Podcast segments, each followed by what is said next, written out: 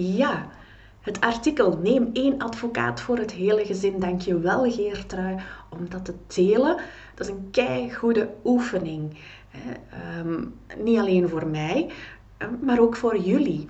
Hoe gaan we dan met de blik op dat welzijnspoor um, daar naar kijken, naar dat artikel. En dat is een oefening in je reflectiemachine. Dus ook al is het artikel misschien niet relevant voor jou, hè, om nu één advocaat voor het hele gezin te nemen.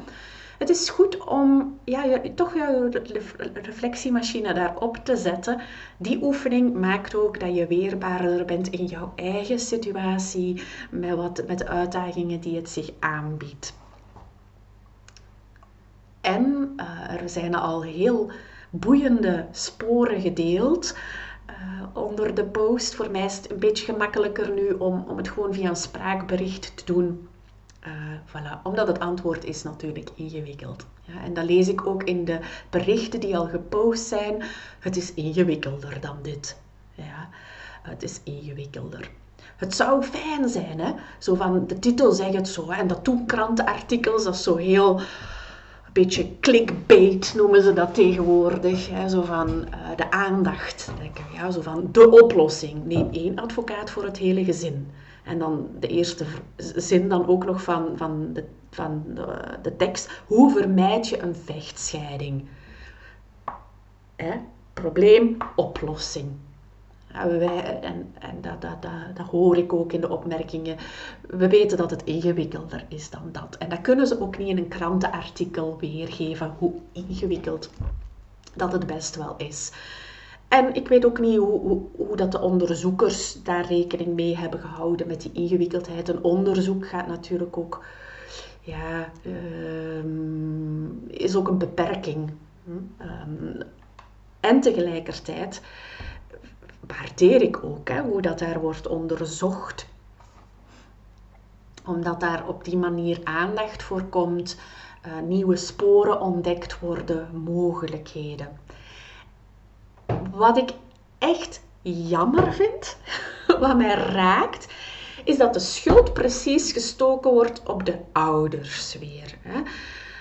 Um, het is de ouders die moeilijk doen, dit en dat. Ja, sorry. Ik vind dat er een grote verantwoordelijkheid ligt bij advocaten en magistraten. Het moest eruit. Ja. Um, en de oplossing wijst ook naar de advocaten. Kijk, als iedere ouder één advocaat neemt, wat dan nu uh, de, de, de, klassieke weg is, de, de, logische weg, heb je inderdaad twee partijen. Dus ik vind dat goed dat, dat dit onderzoek dat blootlegt dat door twee advocaten te hebben, dat je twee partijen hebt en dat er strijd komt. Gewoon al doordat je twee partijen hebt en de taal die advocaten gebruiken. Ja.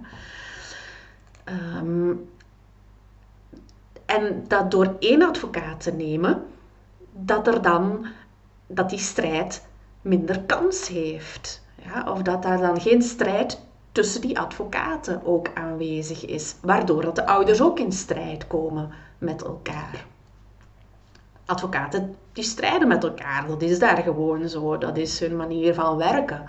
Ja, die, die, um, die winden daar geen doekjes om. Ik heb zelfs een advocaat ontmoet in de voorbije jaren. En dat is een heel goede advocaat en een zachte en een lieve vrouw. Maar die zegt, ik heb bepaalde techniekjes en ik deel die met niemand.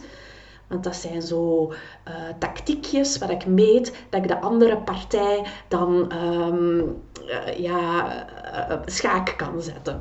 Ja, het is een heel lieve vrouw, maar die denken in zo'n termen. Dus dat vind ik hè, goed, dat, dat dat onderzoek dat blootlegt dat er eigenlijk bij, op het niveau van advocaten, dat daar ook wel werk is. Dus um, het, is, het zijn niet ouders die strijden en dat zie ik ook vaak. Een ouder heeft een vraag, die gaat naar een advocaat en de advocaat zegt: Ja, kom, we gaan naar de rechtbank.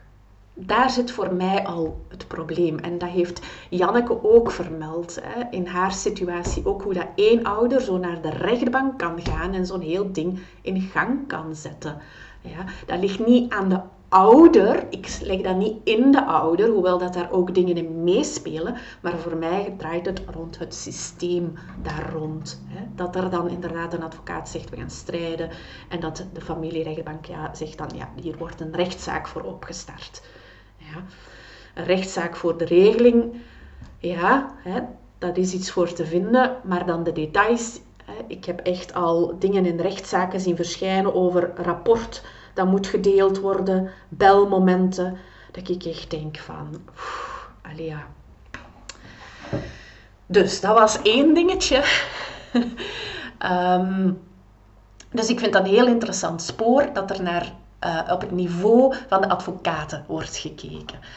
Um, dan wordt er ook nog een stuk gezegd over de gedragswetenschapper. Um, ja, een gedragswetenschapper uh, dat is hier in, uh, dat is in Nederland um, de gang van zaken. Hier in België zou je dat kunnen vergelijken met een sociaal onderzoek. Ja? Dus die sociaal onderzoekster of die gerechtsdeskundige, die gaat dan kijken naar het psychologische. Um, die zitten mee op het conflict. Ik heb voor de kerstvakantie nog gesproken met zo'n gedragswetenschapper, met zo'n onderzoekster. En die spreken een heel andere taal. Ik heb echt... Dat is niet gemakkelijk wat dat die doen. Eh, want die zitten ook mee in het conflict, omdat ze met iedereen spreken. en jullie weten dat, dat, dat ik dat van lieve heb, dat je in een complexe scheiding kan je er niet voor iedereen zijn. Um, je kan niet iedereen helpen. Als je voor één iemand er bent, dan kan je vaak het meeste mee bereiken in een complexe scheiding. Maar dat is de ingang die Lieve en ik nemen. Hè. En dan, heel, iemand had dat ook opgemerkt, ja, dat einde van dat artikel, ja, hè, dat is zo, dat spreekt aan, hè, rust brengen. Hè. En dan schreef iemand, ja, dat zit zo ook in de visie van Glinster dat rust brengen, dat is ook zo. Hè. Dat is een heel nobel doel. En uh, ik vind het ook, ik waardeer het ook hoe ze zeggen, ouderschap gaat door. Je moet mensen helpen die transitie te maken. Keigoed. Ja, dat is goed. Dat vind ik echt goed. Dat is spek naar mijn bek. Hè. Dat heb jij goed gezien. Waar ik wel de verwarring zie, en ik weet niet, er heeft nog niemand het opgemerkt, ik dacht, ik ga nog wat langer wachten totdat iemand het opmerkt. Daar staat dus een grote verwarring in, hè? in dat laatste stukje. Allee, de transitie. En dan schrijven ze, het kerngezin blijft bestaan. Waar zit dan de transitie? Dus je ziet dat ze nog niet dat, dat, ze verward zijn nog. Hè? En dat ze nog geen studie hebben gemaakt van die transitie.